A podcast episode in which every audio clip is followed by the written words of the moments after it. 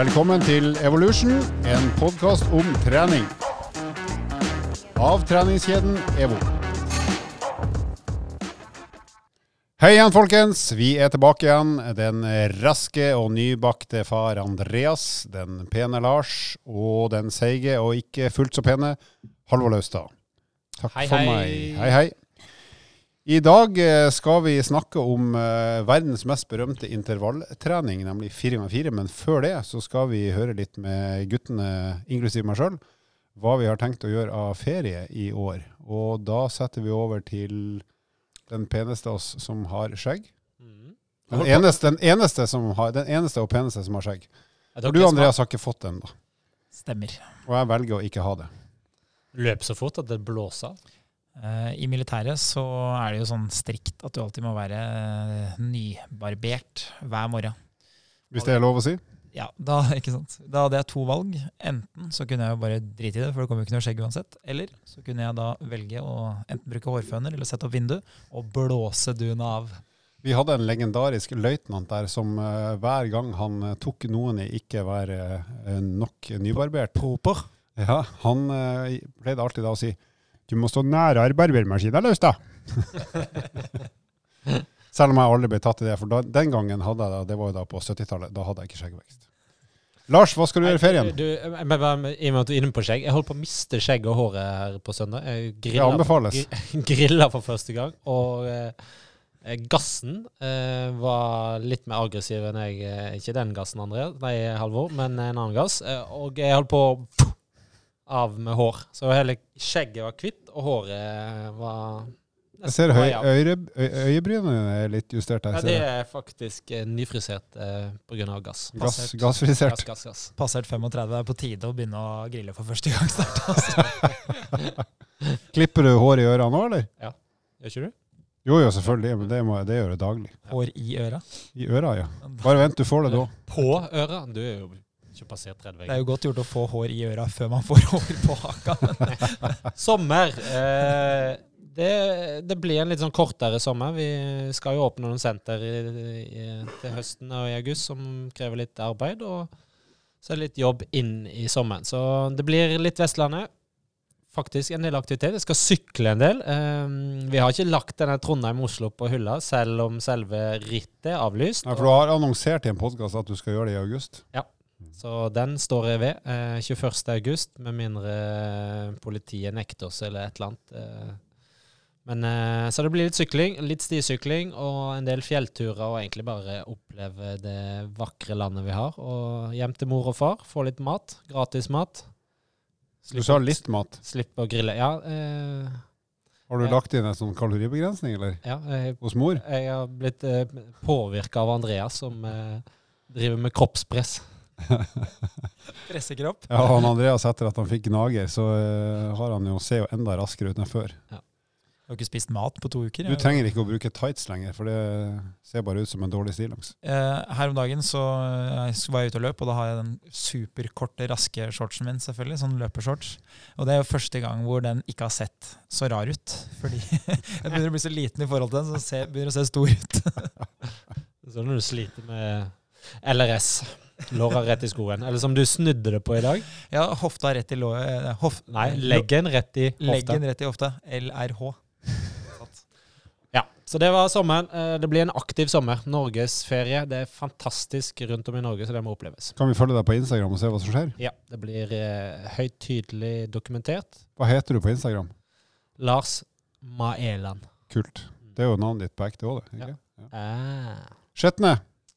Jepp. Ja, nå må du berette hva du og din familie, din nå treaktige familie, skal, altså trepers-familien, skal gjennomføre i sommer. Eh, basert på de siste to ukene så fins det overhodet ingen planer. Spise is. Ja, det Det er i hvert fall ikke noe vits å dra utenlands med så små unger, og det gjelder jo uansett om det er korona eller ikke. Det er sant. Det er sant. Eh, nei, vi, eh, vi har ikke kontroll nok til at vi kan bestille noe ferie. Skal jeg gi deg et godt råd som er godt på ekte? Oppsøk så lenge ungene er små. Oppsøk eh, barnevakta i ferien. Eller ta de med. Foreldre eller svigerforeldre. Yes. Og søk om permisjon. Jeg hørte at du har søkt om permisjon Jeg har søkt om permisjon. hjemme hos Karo. Ja, hjemme hos Karo. Ja, ja, ja det, det hører med. Jeg eh, er egentlig ikke sånn veldig lei meg over å ikke ha noe sommerferie. Jeg har egentlig veldig sånne lite planer for ting jeg skal gjøre. Det, det er mest spontant. Så hvis jeg får uh, trent litt, uh, og ellers uh, ingen på en måte skaper noen forventninger til meg jeg ikke klarer å innfri, så er jeg ganske godt fornøyd. Så er det jo fotball-EM, Tour de France og sommer-OL, så det er jo nok å hygge seg med uansett hvor i verden man er. Det hører med, det. Det er en selvfølge, ikke Og hvis du trenger noe ekstra hjelp, så bare ring han som ikke fikk lov å bli fadder, så skal jeg prøve å steppe inn når det måtte, måtte behage deg. det er jo ikke sikkert at du ikke ble fadder, det er jo ikke avgjort ennå, men det ble ikke Halvorine. Det Nei, det var greit. Nå skal, jeg, nå skal, jeg, fortelle dere, nå skal jeg gi dere tre stedsnavn eh, som jeg har oppsøkt i mitt liv i forrige uke. og Det er følgende. Og følg med, folkens. Dette er sannsynligvis eh, navn du kanskje ikke har hørt om. Drevsjø, Bindal, Dovrefjell. Siste har kanskje de fleste hørt om. Men hva, hva tror dere det er for noe? Eh, Drevsjø er et sted nord for Trysil, som ligger eh, når du kjører eh, da egentlig sammen med eh, Østerdalen. Men du velger å kjøre på andre sida av fjellet. Helt korrekt. Eh, så Drevsjø det høres ut som et sted hvor det er eh, Hawaii. Hawaii og fint vær. Men det er, det er mer mygg, ja. Det er inne i skogen. og Bindalen det er jo eh, faktisk nord for eh, Det må være så langt nord at det er nord for Snåsa, var det ikke det? Jo, jo, jo godt. Det er jo nesten eh, oppe i Brønnøysundsområdet. Ja, for Bindalen er jo De snakker jo trøndersk, nesten. Men mm. de har også sånn litt rar dialekt, for du begynner jo å nærme deg der de um, tvillingene er fra, Marcus og Martinus. Riktig. Og de jo har jo sånn derre ja, om Brønnøysund-dialekt her har, så er jo i hvert fall dette her en sånn hybrid mellom trøndersk og, og nordlandsk. Da. Ja, det er merkelig. Et merkelig språk. Men hyggelige folk. Terok. Uh, ja. Jeg trodde, men jeg trodde faktisk Bindalen var like ved Røros. For der òg tror jeg det heter Bindalen. Hvis ikke det er helt feil. Ja, det er ikke så fryktelig langt unna Røros på en måte. For når vi dro fra altså Det er da tre plasser jeg har vært med min mor og min far. Uh, så jeg har rett og slett vært på familieferie med mora og faren min, ikke min andre familie, som den egentlige familien. Så vi har vært på biltur i, uh, på plasser i Norge der min mor og far ikke er så godt kjent. Primært min far, da, men han er veldig glad i skog og natur, så derfor ble det da Drevsjø og Femund, og så Bindal og Dovrefjell, som er tre plasser de færreste drar til verken i jobb eller privat som ferie. Så vi har kuska rundt i en uh, heftig Nissan. Uh, 2008-modell og uh, oppsøkt de plassene her og sett på fin natur. Og siden jeg da er yngst i laget og sønn av de to foreldrene mine, så har jo jeg stort sett ikke betalt en dritt, spist veldig mye god mat, og så har jeg til og med fått følgebil. Så de har, vi har starta dagen med at jeg får to timers forsprang, så jeg kan sykle så langt jeg kan. Og så får jeg jo en time til før de tar meg igjen, og så uh, slenger jeg meg inn i bilen og får softis og er lille Halvor igjen. Så har, sitter bak setet? Ja, jeg sitter i baksetet. Mutter kjører altfor fort, men det går fint, for hun kjører godt. Og så sitter jeg og hygger meg egentlig ganske mye, faktisk, i mine foreldres selskap. Du har jo til vår store begeistring levert uh, tidenes sommerblogg. Var jo, uh, Reiseskildringene var jo meget uh, bra. Og en ting som er litt spektakulært, er jo at du og kronprinsessen har samme far. Svenno, ja. Svenno. Bortsett fra at din Svenno er fremdeles i live, da. Det er jo forskjellen. Ja. Uh, ja, så for de som uh, følger meg, og det er ikke så mye å følge med på, men der ligger det bilde av min far, som da er en lookalike til Hans Venno Høiby. Han er litt høyere, riktignok. Halvor punktum Lauvstad. Ja, og det er også mitt ekte navn. Ja, faktisk. det er ikke ditt dekknavn? det er ikke mitt dekknavn. Uh, så det eneste jeg bidrar med inn der, annet enn dårlige kommentarer, som jeg alltid gjør, det var at jeg ga de hver sin Circle K-kopp, tidligere kalt Statoil-koppen. Så da hadde vi opplæring hver gang vi gikk inn på Circle K så måtte jeg lære de opp i at du kan faktisk bare gå og forsyne deg. Du trenger ikke å si fra noe sted. Du kan bare gå og trykke på den knappen, og så kan du gå ut igjen hvis du ikke skal ha noe mer. Hvor lenge varte det at du forklarte at de bare kunne Opplæringsprogrammet er fortsatt uh, i virksomhet, så jeg kommer nok til å måtte forklare det også når de skal gjøre det på egen hånd. så de har enda ikke skjønt at de bare kan gå inn og hente kaffe? De har skjønt det, men de kan ikke forstå at det kan være så godt at det er sant. Så de uh, føler en trang til å si fra at de har tenkt å gå og ta kaffe, og spørre om det er greit. De har, de har aldri fått noe som De har aldri fått noe så ofte, så enkelt, som er godt, tror jeg. Det er godt å være sant. Ja. Yes, folkens. Vi skal over til temaet som er fire ganger fire intervall.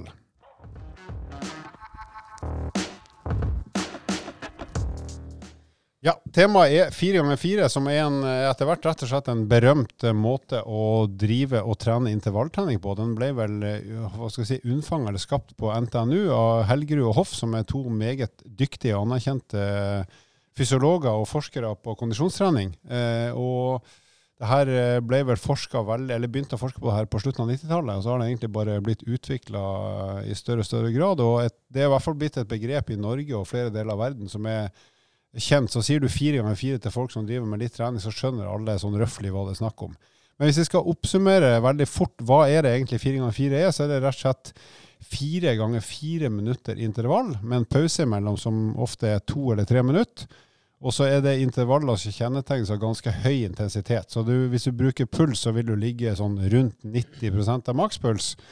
Eh, hvis du ikke bruker det, så vil du kjenne at i løpet av de fire minuttene så er du sliten, andpusten og har ikke på noe som helst eh, nivå ønske om å snakke med noen annet enn å kanskje si ja eller nei på, på utpust. Så det er slitsomt, men det er ikke maks maks, men det er ganske tung trening. Og poenget med den treningsvarianten her, eller eh, intervallvarianten, er jo å trene slagvolum, altså få hjertet ditt til å bli større og sterkere. Det er liksom hovedeffekten av den uh, treningsøkta. Ja, og til deg som nå trener styrke, og som kanskje ikke har uh, enten trent eller reflektert så mye rundt uh, det med kondisjonstrening, så er jo hjertemuskelen en muskel som trenes på lik linje med alle andre muskler. Det er bare at når du driver med styrketrening, så kan du hele tida regulere belastninga gjennom hvor mange kilo du løfter. Mens hjertemuskelen, der kan vi på en måte ikke legge på noe vekt. Den måten vi kan trene hjertemuskelen på, det er jo å øke intensiteten. Altså da hvor lenge eller hvor fort muskelen må jobbe. Så hvis du sammenligner da med type benkpress, da, så vet vi at uh, hvis målet ditt er å få størst mulig brystmuskler, så vil det kunne være smart å ligge et sted rundt sånn par og 90 uh, og løfte kanskje en sånn fem, seks, sju, åtte repetisjoner og ha tre-fire serier. Og Det er egentlig det samme du gjør når du trener fire ganger fire. Du ønsker å ha rundt 90 av eh, hva eh, hjertemuskelen maksimalt klarer. Og så må vi da bruke varighet. Vi kan ikke bruke åtte repetisjoner. Vi må da bruke Vi kan ikke ta åtte slag. Vi kan ikke ta åtte slag. Så derfor så må vi bruke tid. Men sånn, eh, hvis man ser enkelt på det, så er det egentlig akkurat det samme man gjør. Det er bare at uh, når du skal bli bedre, så vil du i benkpress kunne legge på 5 kilo, 10 kilo, og så holde deg til det samme systemet. Mens når det gjelder da uh, utholdenhetstrening, så må man enten regulere hvor lenge man trener, eller så må man regulere intensiteten. Altså at man må opp i fart eller opp i stigning, eller så må man kutte på pausene. Så Derfor så blir uh, utholdenhetstrening bitte litt annerledes, selv om det egentlig er ganske likt styrketrening. altså. Ja, Så det vi egentlig skal diskutere litt nå, er jo, i og med at fire ganger fire er så godt kjent, eh, så er det jo spørsmålet er det den eneste og beste måten å trene slagvolum og hjertekapasitet på, eller går det an å gjøre det på en annen måte enn fire ganger fire? For det, det kan jeg jo si med, med, folk jeg har trent både sammen med og vært trener for, så er det jo fire ganger fire. Når du sier det til noen som har prøvd det, så er det mange som tenker åh, nei, det er altfor tungt, det er hardt, det er fælt, det har jeg ikke lyst til å utsette meg sjøl for. Det her er det blir pest og en plage. Uh, og da kan jeg si at ja, da kan det hende du har trent litt for hardt, for det skal jo være tøft, men ikke, det skal jo ikke være grusomt. Så det kan være ei innvending på det. Og så samtidig så går det an å tenke ok, men skal vi, skal vi kunne trene slagvolumet ditt på en annen måte som kanskje er like bra, men kanskje ikke nødvendigvis er fire ganger fire? Hva har dere av erfaringer med det for egen del og andres del? Jeg, jeg, tenker bare kjapt liksom hva fire ganger fire er, sånn at folk henger litt med. Vi har jo snakka mye om det og nevnt det, og sånt, men det er jo fire intervaller av fire minutter med x antall minutter, som, som oftest mellom ett til tre minutts pause i repetisjoner.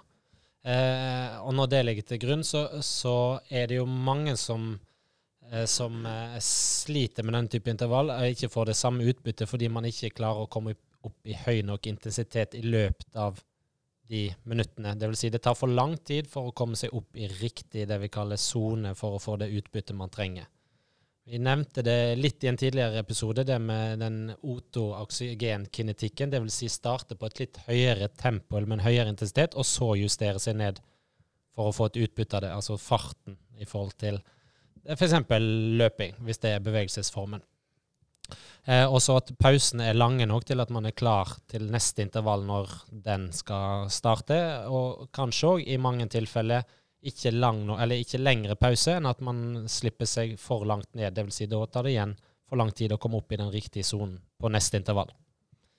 Eh, men nei, i forhold til spørsmålet, eh, Halvor, og eh, det veldig enkelt sier, er jo ikke at det må ikke være fire ganger fire. Det kan òg være andre typer sammensetning av intervaller. Og når man eh, ser folk på Strava eller på sosiale medier, så, så er det jo et enormt spekter av ulike intervallformer. Det vil si, hovedpoenget er jo at man har x antall minutt i riktig sone for å få et utbytte på slagvolum på hjertet.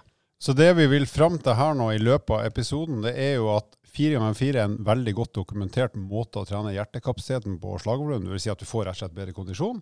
Fordi at hjertet blir større og sterkere, sånn at det kan pumpe mer blod, som gir deg mer oksygen, som gjør at du kan bevege deg fortere enn før eh, på både kort og lang sikt. Så det er liksom hovedprinsippet bak 4x4. Og så skal vi se at det kan hende at du kan trene den etter de prinsippene uten at det nødvendigvis må være fire ganger fire minutter med pause mellom. Det kan være andre varianter. Så før en raske oss som har eh, gjort mest av denne treningen her nå, slipper til, så kan vi vel grovt sett si at litt avhengig av nivået, hvis du klarer å få til et sted mellom 10 til 20 minutter med høy intensitet, altså rundt 90% av makspuls, der, altså der du rett og slett blir veldig sliten, men ikke helt katastrofe, i løpet av ei økt, så har du fått til ei veldig god treningsøkt for slagvolumet. Og så gjelder jo prinsippet her som alt annet. Hvis du er mindre trent, eh, så, trenger, så kan du tenke at 10 minutter vil være mer enn nok. Mens hvis du er i veldig god form, så vil du kanskje søke opp mot 20 minutter med den intensiteten i ei økt, for å være sikker på at nå har jeg gjort ei god økt for hjertepumpa mi. Ja, og der, eh, der er du inne på det som er essensielt. da, fordi eh, det det handler om i stor grad, det er planlegging, gjennomføring, kontroll. Det er de tre tingene du må ha for at du skal bli i bedre form. Så når du planlegger, så er jo du godt inne på at eh, et sted mellom 10 og 20 minutter med høy puls, det er eh, det vi ønsker. Men så vet vi at jo flere pauser vi får, jo mer må vi holde på for å få tilbake pulsen, som Lars sier. ikke sant? Så hvis innsatstida, altså hvor lenge vi faktisk holder på, blir kort, og pausen blir lang, så må vi jo drive på med trening ganske lenge for å oppsummere 10-20 minutter med høy puls. For det tar jo litt tid å få pulsen opp igjen. Den er ikke så effektiv at den er ikke på med en gang vi begynner å bevege oss. Og da er det jo sånn, hva er det vi kan gjøre da eh, når vi setter sammen en økt, altså da når vi planlegger økta, for å få 10-20 minutter? Jo, da kan vi egentlig gjøre hva som helst. Vi kan løpe et sted mellom 10 og 20 minutter sammenhengende. Hvis vi bruker løping, da, bare for å gjøre det enkelt. Eller vi kan dele det opp. Vi kunne hatt ti sekunder på og ti sekunder av. Men det hadde jo blitt utrolig vanskelig å ha kontroll på underveis. Det, det hadde krevd veldig mye av meg samtidig som jeg trener. Så derfor så ser vi at hvis vi da planlegger noe som er enkelt, som vi klarer å gjennomføre, og som vi har kontroll på etterpå at vi har fått det vi ønsker av, da er vi et sted hvor, hvor det blir veldig bra. Og da ser vi at fire ganger fire det gir totalt 16 minutter med innsatstid. Men så vet vi at når vi da begynner en fireminuttersperiode, så tar det gjerne litt tid før pulsen blir høy. Så vi får ikke 16 minutter med høy puls. Det tar vanligvis i hvert fall 30-60 sekunder før du kommer opp på den pulsen du skal ha Ja. i starten av draget. Ja, og så kan vi jo si det sånn at Den første ofte gir et litt kortere tidsspenn med høy puls enn den siste. For når du begynner å bli sliten på den siste, så vil du være raskere oppe i høy puls, fordi du kanskje ikke klarer å hvile deg like god imellom. Og Det betyr at da når du har fire ganger fire, så vil de fleste få rundt ti minutter med høy puls. Og så vil det være sånn at en, en av feilkildene kan være at hvis du er i veldig dårlig form, så er det ikke sikkert at 90 er det du klarer å komme opp i. Det kan hende det koker så fælt at hvis du kommer opp i 90% så klarer du ikke varigheten. Men da kan du bare fortsette å trene. Da kan du bare fortsette å øke intensiteten litt, så vil du etter hvert komme inn i riktig puls. Fordi treningseffekten er ikke dårligere fordi om du har 75% av maks når du er dårlig trent. Det vil bli bedre. Så fire ganger fire er ikke det eneste som funker, men det er en ekstrem enkel metode å bruke. Eh, Men det man kunne ha gjort hos, eh, hos de som er eh, veldig ferske, det er jo å si at fire minutter er kanskje litt lenge. Så man kunne ha sagt at ja, men istedenfor fire ganger fire, så kan du få åtte ganger to. For da får du akkurat det samme, men du får litt flere pauser, sånn at det kanskje er litt lettere å holde motivasjonen for å komme seg gjennom de 16 minutter, For Det er litt lettere å gå, gå i gang med en to minutter som er tøff, enn en fire minutter som er tøff. Ja. Og så kan man ha som en tommelfingerregel at pausen i utgangspunktet skal være halvparten av det draget eller den arbeidsperioden man har hatt. Det er i hvert fall der hensiktsmessig, og på en måte statistikken tilsier at da er man forberedt både fysiologisk og mentalt for det som skal komme igjen etterpå. Ja, for utfordringa med å skulle ha en pause som er eh, lengre, vil være at da må du nødvendigvis ha litt høyere intensitet for å få tilbake pulsen, som ofte gjør at det blir vanskeligere å få det til, fordi da begynner man å løpe såpass mye fortere enn det man har kondisjon til, at man begynner å bli litt sånn sensitiv for om det går bare bitte litt for raskt, så ødelegger det muligheten til å holde ut. Mens hvis man har kortere pause, så som du sier, da får man ikke hvilt nok til at man egentlig klarer å henge med på neste runde. Så det å ha sånn ca. 50 eh, pausetid, det gir ofte et veldig godt sånt uh, utslag. Da. Og der må man lære seg sjøl å kjenne, sånn at man da klarer å kjøre dragene sånn at pausen kan være såpass kort uten at du altså du må ikke bli så stokk stiv i dragene at du ikke klarer å ha en relativt kort pause. Så du, sånn at man må rett og slett lære seg hvor tøft er det, hvor fort skal jeg løpe eller sykle eller holde på i dragene, sånn at pauselengden blir fornuftig. Så Hvis du kjører altfor hardt da i første drag, så trenger du lang lang pause for å klare å gjøre nummer to. Eh, så det er jo den læringa du må være litt bevisst når du starter med intervalltrening, at du skjønner hvor lang tid trenger jeg nå på å hente meg inn igjen for å kunne gjenta det samme draget x antall ganger igjen. Ja, og En av de tingene som jeg har brukt mye hos eh, kunder, det er jo litt det motsatte av det veldig mange gjør. De fleste, de, når de starter med type 4 ganger 4 eller intervall, så velger man å gå løs for hardt, sånn at man neste gang må gjøre det samme eller gå ned.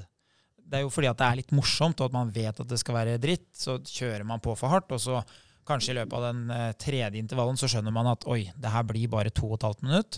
Og så må man gjerne ha fem minutter pause, og så klarer man kanskje tre minutter på den siste.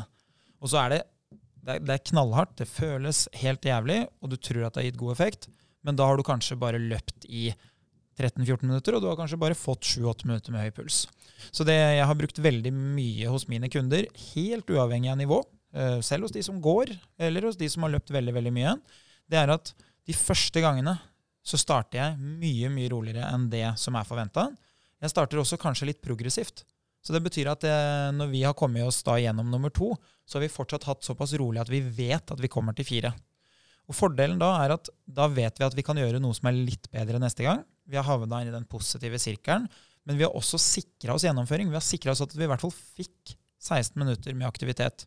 Og det du kan gjøre da, hvis du etter fire stykker tenker at det her nå har jeg løpt intervaller på et joggetempo. Altså Jeg har fått pauser som gjør at jeg, jeg kunne helt sikkert ha løpt bare alle 16 minuttene sammenhengende. Ja, men la oss da bare kjøre videre. Bare fortsett med nummer fem og seks og sju og åtte. Sånn at de første øktene de kan godt være for lette, og heller bare by på det å øve på å løpe. Hoppe av, hoppe på, eller om det er sykkel, eller om det er staking, om det er ellipse. Altså det er samme hva det er. Det er jo oppsettet her som gjør at du får høy puls over tid. Mm. Og da er det kontrollprinsippet som er det er desidert viktig at man vet at man har kommet i riktig sone. Jeg tenkte jeg skulle bare gi et sånn praktisk eksempel, i og med at vi spør et spørsmål om, om andre varianter kan òg funke. Og, og, ja, det gjør det jo. Uh, igjen når man har disse grunnleggende uh, si, uh, faktaene til grunn. Én ting er at, som vi ikke har nevnt så mye, og det er oppvarminga. Som man kan touche bare innpå bare for å si noe om, og det er jo at man i en oppvarming kanskje bør forberede kroppen på den intensiteten man skal holde i den ulike bevegelsesformen, bare for å ha vært innom, så kroppen òg er fysiologisk og mentalt klar for eh, den, det tempoet som eh, eventuelt skal holdes, om man løper eller sykler eller ellipse eller ror. Ehm, det vil være hensiktsmessig veldig, veldig smart. Og det andre poenget er, eller som jeg tenkte å si, og det er at for om man er godt trent eller dårlig trent, så, så, spiller det egentlig ikke noen rolle hvor lenge man jobber, så lenge man på en måte dekker det kravet i forhold til hvor, lenge, hvor mange minutter man får totalt i sonen. Eh, for eh, dårlig trente og litt eldre så har man sett stor effekt på dette prinsippet med fire ganger fire, med gange i motbakke, med og uten staver, hvor man aktiverer og engasjerer store muskelgrupper og eh, har eh, hatt veldig stor effekt. Mens på andre sida, eh, de utøverne som jeg jobba med, så, så, måtte vi bryte ned fire ganger fire-prinsippet til type åtte ganger to, eller ti ganger to, eller seks ganger to, for å rett og slett klare å mentalt klare å pushe dem til å være så høyt oppe i sonen. For det koster jo mye jo bedre trent man er i utgangspunktet. Satt litt på spissen og kom opp i riktig sone. Både mentalt og fysisk. Så det som ofte skiller da eh, helt utrente fra veldig, veldig godt trente, hvis du da tar de som har gått stavgang fire ganger fire, det er jo de ofte veldig mye lettere kommer opp i høy puls. Altså de, de trenger ikke å gjøre mer enn å gå i motbakke, så er de i riktig sone. Mens som du beskriver, da, de som er ekstremt godt trent, de må gjerne tilpasse litt med å kanskje ha litt mer volum, for de trenger litt mer tid på å komme inn i riktig sone. Hvis de hadde gitt nok gass til å komme i riktig sone med en gang, så ville det også kanskje vært høy nok fart til at de ramla ut på andre sida og ikke klarte å fullføre. Og så er det jo sånn at når man vet da at selv de som driver med toppidrett, ikke kan trene så mye mer i tid, så trener jo de hyppigere. Så der vanlige folk kanskje kan ha én til to økter i uka, så kan jo de som er godt trent, gjerne ha tre ganger i uka, pluss en hel haug med annen trening. Og man tenker ofte at det fins veldig veldig mange forskjellige valg, og det blir veldig sånn uoversiktlig. Men alt dreier seg om det samme. Så når vi tidligere her har snakka om at jeg løper 1000 meter Hvis jeg hadde vært akkurat i kondisjonsform til å løpe på 15 km i timen, så ville det vært fire minutter. Så det betyr at hvis jeg løper 4000 meter, så løper jeg egentlig fire ganger fire. Forskjellen er bare at hvis jeg alltid løper ute, så vil jo jeg kanskje da bruke en friidrettsbane, som gjør det litt sånn kronglete for meg å si at forrige gang så løp jeg 1014 meter. Da er det lettere å si at jeg løp 3 minutter og 57 sekunder på samme distanse. Så for å skape variasjon, eller for å tilpasse så det blir lettere å ha kontroll, så begynner man kanskje å bruke distanser istedenfor at man bruker tid. Mens hvis jeg skulle ha trent på mølla hele tida, så ville det vært mye større sannsynlighet for at jeg løp fire minutter enn at jeg begynte å løpe 1000 meter på mølla. For det ville jo bli vanskelig, for da må jeg jo skru opp og ned farta underveis. Så derfor så høres det ut som det fins mange valg, men det er egentlig det samme man driver på med hele tida. Og da for å øh, konkretisere noen alternativer til 4x4, for 4x4 i seg sjøl er helt topp, men hvis du tenker at mm, kanskje jeg skal gjøre noe annet for det hørtes litt langt ut, eller jeg har noen kjipe opplevelser, så tenk deg da at hvis du er på et uh, formnivå der du trenger ti minutter, høy intensitet, dvs. Si at du har kommet i gang, men, eller, eller, skal komme i gang, så kan du tenke at ok, da kan du kjøre fem ganger to minutter med en pause på ca. 1 til 1 12 minutt. Og så vet vi at ok, du bruker noen sekunder på å komme opp i intensitet, men likevel, det, vil være god økt. Hvis du tenker at nei, jeg er på et formnivå der jeg behøver 15 minutter totalt med høy intensitet, ok, så prøv fem ganger tre minutter, og så har du en pause på 1 12 til 2 minutter. Eh, og hvis du tenker at, og vet at nei, jeg er i såpass god form at eh, jeg må virkelig dunke til i de øktene her, så trenger du kanskje 20 minutter totalt, og da kan de øktene se ut som en fem ganger fire, ikke fire ganger fire, men fem ganger fire med en pause på et sted mellom to og tre minutter, litt avhengig av hvor mye du trenger for å hente deg inn igjen. Da har du tre alternativer basert på form, og som egentlig bygger på akkurat samme prinsippet. Men der er intervallene to minutter, tre minutter eller fire minutter. Og jeg vil jo si det, bare når du sier er du i den formen. Absolutt alle mennesker bør ha én økt i uka hvor de ruser motoren litt. For det er ekstremt sunt for kroppen å faktisk trene litt styrketrening på hjertet. Og det gjør man gjennom å gjøre det her. Og om du bommer hver eneste uke på at det er for hardt, eller at det er for, uh, for svakt, på en måte, eller altså for, for, lett, så vil det uansett være kjempegod trening. Så jeg ville i hvert fall ikke vært redd for å gjennomføre en sånn treningsøkt i frykt for at jeg ikke gjør det riktig. Fordi det går ikke an å gjøre det feil. Nei, og det, så det er rett og slett uansett mål. Hvis du har som mål her i livet å leve litt lenger enn til i morgen, så bør du gjøre det her en gang i uka. Ferdig snakka.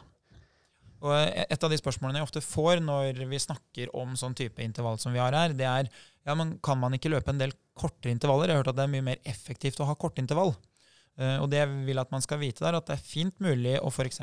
løpe 20-10, Altså at du løper i 20 sekunder og har 10 sekunder pause. Eller at du løper 45-15. Altså det fins flust med muligheter. Det, du kan jo lage et oppsett du vil. Men hovedregelen er at du bør holde på sånn at du har høy puls et sted mellom 10 og 20 minutter. Så hvis du da sier at du f.eks. går for en sånn eh, 2010-variant, da vil du jo holde på i to tredjedeler av tida, og så vil du ha en tredjedel av tida pause. Det betyr at hvis du skal ha 20 minutter, så må du holde på i 30 minutter. Det betyr at da må du ha 60 runder. Så grunnen til at det ikke alltid blir veldig sånn lukrativt å velge kortintervall, det er fordi at man må holde på så lenge. Og det de fleste gjør, dessverre, er jo at de velger kortintervall men de holder på veldig kort. Så det er ikke Er det ikke derfor det heter kortintervall? jo, kortintervall heter det fordi du har lav innsatstid, eller kort innsatstid, men mange pauser. Men dessverre så er det ofte sånn at de aller, aller fleste de holder på for kort. Så det de gjør, er at de bygger seg opp en ganske fin og høy puls, og så avslutter de når effekten begynner å komme. Så hvis vi skal prøve oss på ei litt sånn grov, men ganske god anbefaling, så vil vi vel si at hvis du at, at en intervalldraglengde på noe mindre enn to minutter sannsynligvis blir litt vanskelig å gjennomføre, så ta utgangspunkt i at du i hvert fall holder på i to minutter før du tar pause, for da får du tid til å la hjertepumpa slå, og så er draget såpass lenge at du blir faktisk ferdig med en viss del av treninga per drag, så du slipper å holde på i 30-40-50 intervalldrag i ei økt. Da skal vi eh, svinge oss over til eh, litt fun fact og spørsmål.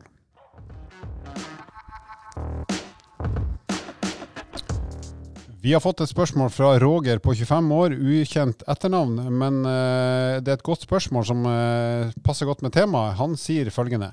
Jeg trener intervall, stort sett løping, men av og til sykler jeg. Han trener da på treningssenter primært. Når jeg sykler, stivner jeg beina på mye lavere puls enn når jeg løper, selv om jeg har like lange drag og pauser. Hvorfor er det sånn? Høres ut som meg. Ja, egentlig. Bortsett fra ja, Heter du Lars Roger Mæland? Ja. er det du som har sendt inn? Eh, hvorfor er det sånn, gutta? For det, det, han sier her, det stemmer jo forbausende ofte for de aller, aller fleste. At eh, man, særlig når man løper, så har man en viss kontroll og sjekker pulsen og pusten, og alt er normalt, selv om det er slitsomt. Men når du gjør noe annet enn det du gjør mest, og da for de fleste gjør noe annet enn å løpe, så passer det ikke likevel. Nei, det, dette er jo egentlig veldig enkelt innunder spesifisitetsprinsippet eh, i forhold til hvilken bevegelsesform, muskelarbeid, man har eh, på den ulike aktiviteten. Her er det jo løping vanligvis, eh, men nå sykling. Så det er egentlig helt likt egentlig meg sjøl. Jeg løper egentlig stort sett på de fleste øktene mine. Jeg sykler litt innimellom. og eh, Derav så jo mindre jeg sykler, jo lettere er det for meg å stivne. Spesielt når man begynner å øke intensiteten og øke farten. Og igjen eh, Da blir det òg enda mer spesifikt med en gang vi kommer i f.eks. motbakker, hvor belastninga og eh, motstanden og jeg må produsere mer kraft, altså mer watt, eh, jo lettere er det for meg å stivne. Og det tipper jeg er ganske likt for han òg. Ja, så veldig enkelt sagt, folkens. Hvis du skal trene intervalltrening med høy intensitet, som vi har snakket om i episoden her, så velg en bevegelsesform du behersker. Og for de aller fleste betyr det enten å gå, gå i motbakke, eller jogge eller løpe, for alle kan gå hvis du har to bein. Så hvis du velger en annen aktivitetsform enn det du er vant til, så vil du oppleve at OK, jeg får merkesuttrøbbel på mye lavere puls. Det var jo skuffende. Eh, rett og slett for at du er ikke teknisk god nok, god nok og muskulært godt nok tilpassa til en annen bevegelsesform enn det du kan. Så velg en aktivitetsform, bevegelsesform du kan når du skal trene høy intensitet. Og hvis du tenker at mm, jeg har lyst til å bli god til å sykle og gjøre andre ting enn bare å gå, jogge og løpe, så er det helt gull. Da, men da må du være forberedt på at du må bruke noen treningstimer på å rett og slett bli vant til andre bevegelsesformer, sånn at du etter hvert kan trene med høy intensitet i de bevegelsesformene også. Uh, hvis du skal sette det litt på spissen, da, som, som, gjør det litt sånn rart Men hvis jeg hadde begynt å svømme nå, da, si at det er det jeg skal gjøre hele sommer, så vil det være sånn at det vil føles skikkelig slitsomt. Så, så min følelse av svømming vil være at det er pyton hvis jeg svømmer fire ganger fire, f.eks. Det ville jo sett rart ut òg med badebukse på din kropp nå, Andreas. Ja, det, I hvert fall når overkroppen ikke ser ut som jeg svømmer fra før av. Det ser mer ut som at jeg stuper. Nei, så Hvis du sier at jeg hadde begynt å svømt fire ganger fire, som jeg har vært innom, så vil det være sånn at det ville gitt en utrent person bedre kondisjon. Mens for min del, som kommer da fra veldig mye løping og har bygd opp en kondisjon basert på hva jeg har gjort, så ville jeg ha vært sliten. Det ville ha kjentes skikkelig tungt ut. Men jeg ville blitt i dårligere form. Fordi kroppen min rett og slett er for dårlig til å svømme. Sånn at kroppen klarer ikke å bruke nok oksygen til at hjertet trenger å slå. Det er rett og slett de musklene som jeg bruker, altså musklene i arma, musklene mellom eh, fingrene, altså det som holder på en måte svømmetaket mitt eh, i orden, det er de musklene som sier at vet du hva, det her klarer vi ikke. Så i ganske mange uker framover så ville jeg ha syntes det hadde vært tungt, men jeg hadde ikke blitt i bedre form. Jeg hadde kanskje blitt i dårligere form, til og med. Eh, så det er derfor det er så viktig å velge uh, type øvelser som du mestrer, som du kanskje har gjort litt før, eller som på en måte vil på sikt bli veldig lukrative. Så det er mye smartere å velge øvelser som inneholder da store muskelgrupper, for da får du ofte en kortere vei til å bruke mye oksygen, enn hvis du hadde valgt noe som er veldig sånn lite og enkelt. F.eks. Uh, stakemaskin for folk som aldri har gått på ski. vil i starten være styrketrening. Det vil ikke bli noe kondisjonstrening ut av det. For min egen del altså, har jeg brukt nå øh, et par år på å sykle, og det var først etter nesten ja, i hvert fall et seks måneders sykling med i hvert fall tre-fire økter i uka at jeg med hånda på hjertet kan si at nå er jeg såpass bra til å sykle at jeg også kan trene hjertet. Så fram til det punktet der så brukte jeg motbakkeintervall løping for å holde hjertepumpa og slagvolumet i gang, for jeg var rett og slett ikke god nok til å tråkke vatt på sykkelen. Da skal vi over til en eh, fun fact som har med mat å gjøre. Nå er det jo sommer og de fleste eter is, men uh, det her er pølserelatert. Og vi har jo snakka før om hva vi ønsker å ha på pølser, og da snakker vi om en wiener eller grill. Uh, det vi kan lese ut av statistikk fra USA, det er at 4. juli, som da er nasjonaldagen i USA, hvis ikke jeg tar helt feil Hvorfor er det nasjonaldagen, noen som vet det? Det er vel sikkert eh, Independence Day. Tipper. mundo. Ja. Frigjøringsdagen. Da eter amerikanerne så mye pølse, eller hotdogs, at du kan eh, legge pølse i, på strekninga Washington DC til Los Angeles fem ganger. Så frem og tilbake, frem og tilbake, frem. Det er altså ikke mindre enn 150 millioner hotdogs som spises i USA på den eh, dagen her på en gjennomsnittlig nasjonallagsfeiring. Det er ganske brukbart. Hvorfor er det ingen da som bare klipper av mellom pølsene? Ja, det er egentlig et godt spørsmål. Vet ikke. Kanskje ikke har tenkt på det. Vi har i hvert fall ikke tenkt på det før nå, så vi takker for oss og høres om ikke fryktelig lenge. Vil du vite mer om trening, abonner på podkasten og sjekk ut vårt treningsmagasin på evo.no.